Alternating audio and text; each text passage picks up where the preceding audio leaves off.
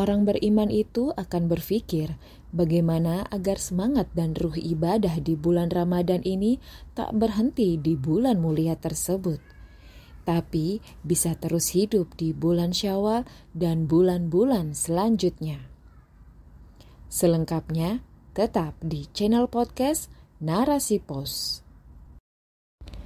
Narasi Pos, cerdas dalam literasi media, bijak menangkap peristiwa kunci. Assalamualaikum Sobat Podcast Narasi Pos Media.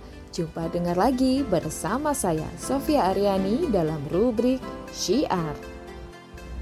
Rubrik Syiar kali ini dengan judul Menjaga, konsistensi setelah ia pergi oleh Muti Idris. Ramadan adalah bulan yang penuh kemuliaan, yang selalu dirindukan oleh ia yang beriman, setiap detiknya menyimpan kehangatan, menggetarkan jiwa, menanamkan optimisme untuk bersegera meraih kasih sayangnya, ampunannya, dan pembebasan dari siksa api nerakanya. Tak pernah bosan tilawah Al-Quran, tarawih, tahajud, serta menghidupkan setiap malam dan siangnya. Bulan diturunkannya Al-Quran yang mulia, yang di dalamnya tersimpan malam yang lebih baik daripada umur manusia, malam seribu bulan, malam Lailatul Qadar, dan masih banyak lagi kemuliaan yang dimilikinya. Ia yang beriman akan dirundung kesedihan saat menyadari bulan penuh kemuliaan itu akan pergi. Bulir-bulir air mata turut menghiasi kebersamaannya, khususnya di momen-momen terakhir. Tak ingin berpisah karena belum tentu juga tahun depan bisa bertemu lagi. Namun, di sisi lain, Orang beriman yang akan mendapatkan derajat takwa memahami bahwa inilah sunatullah. Ada awal dan sudah tentu pasti ada batas akhir. Ada pertemuan dan pasti ada perpisahan. Maka orang beriman itu akan berpikir bagaimana agar semangat dan ruh ibadah di bulan Ramadan ini tak berhenti di bulan mulia tersebut tapi bisa terus hidup di bulan Syawal dan bulan-bulan selanjutnya.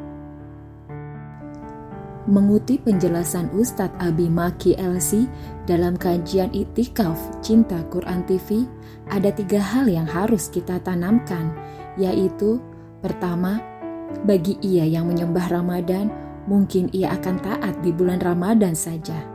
Maka, tanamkan dalam diri bahwa kita bukan hambanya Ramadan tapi kita adalah hamba dari robnya Ramadan, juga robnya Syawal, Zulqaidah, Zulhijjah, dan seluruh bulan lainnya.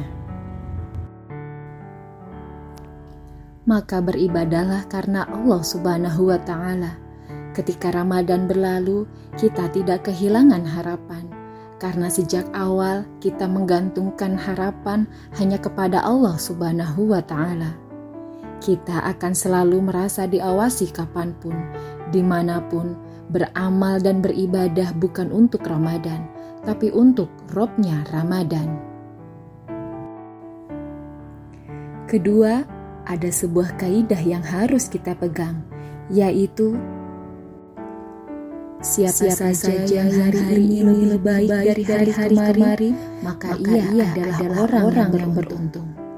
Siapa, Siapa saja yang hari-hari ini sama dengan hari, hari kemarin, maka, maka ia orang, orang yang rugi. Dan siapa, siapa saja hari-hari ini lebih lebih buruk dari hari-hari kemarin, maka, maka ia, ia adalah orang-orang yang terlaknat atau, atau celaka. Dengan merenungkan kalimat di atas, akan cukup memperlihatkan siapa diri kita yang sebenarnya termasuk bagaimana kualitas kita dari awal hingga akhir Ramadan kemarin. Apakah kita termasuk orang yang istiqomah atau tidak? Kita mampu menilai diri kita tanpa harus meminta penilaian dari orang lain. Apakah termasuk orang yang beruntung rugi, atau bahkan yang terlaknat dan celaka. Ketiga, menjaga konsistensi atau istiqomah itu memang tidak mudah. Rasulullah Shallallahu Alaihi Wasallam bersabda, "Wa qoribu wasaddidu." Hadis riwayat Muslim tersebut memiliki makna, yaitu sempurnakanlah kebiasaan baikmu atau dekatkanlah menjadi kesempurnaan yang ada. Mungkin di luar Ramadan agenda kita pun beragam, namun tetaplah menjalankan amalan-amalan yang sudah kita bangun selama Ramadan, meski nilainya tak sama.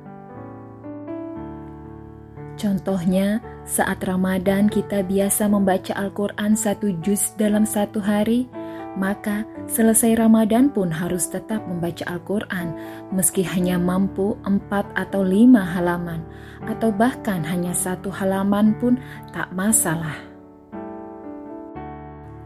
Sedekahnya tetap ditunaikan meski mungkin hanya seribu atau dua ribu rupiah.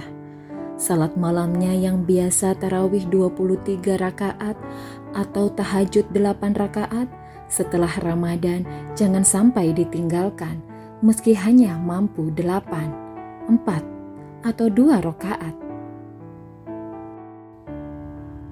Jangan ditinggalkan meski nilainya berkurang karena nanti akan ada masanya meningkat. Namun, jika ditinggalkan, maka kebiasaan-kebiasaan baik itu akan benar-benar lepas dan merugilah kita. Demikian hal-hal yang perlu kita pahami dan amalkan.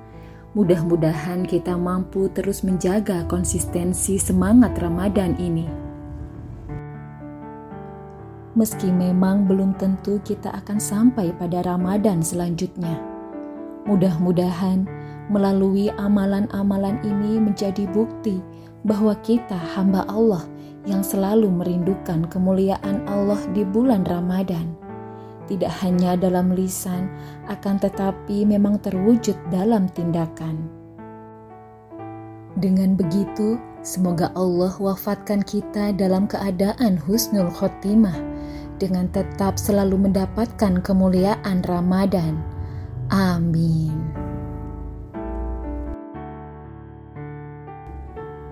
Wallahu a'lam bisawab.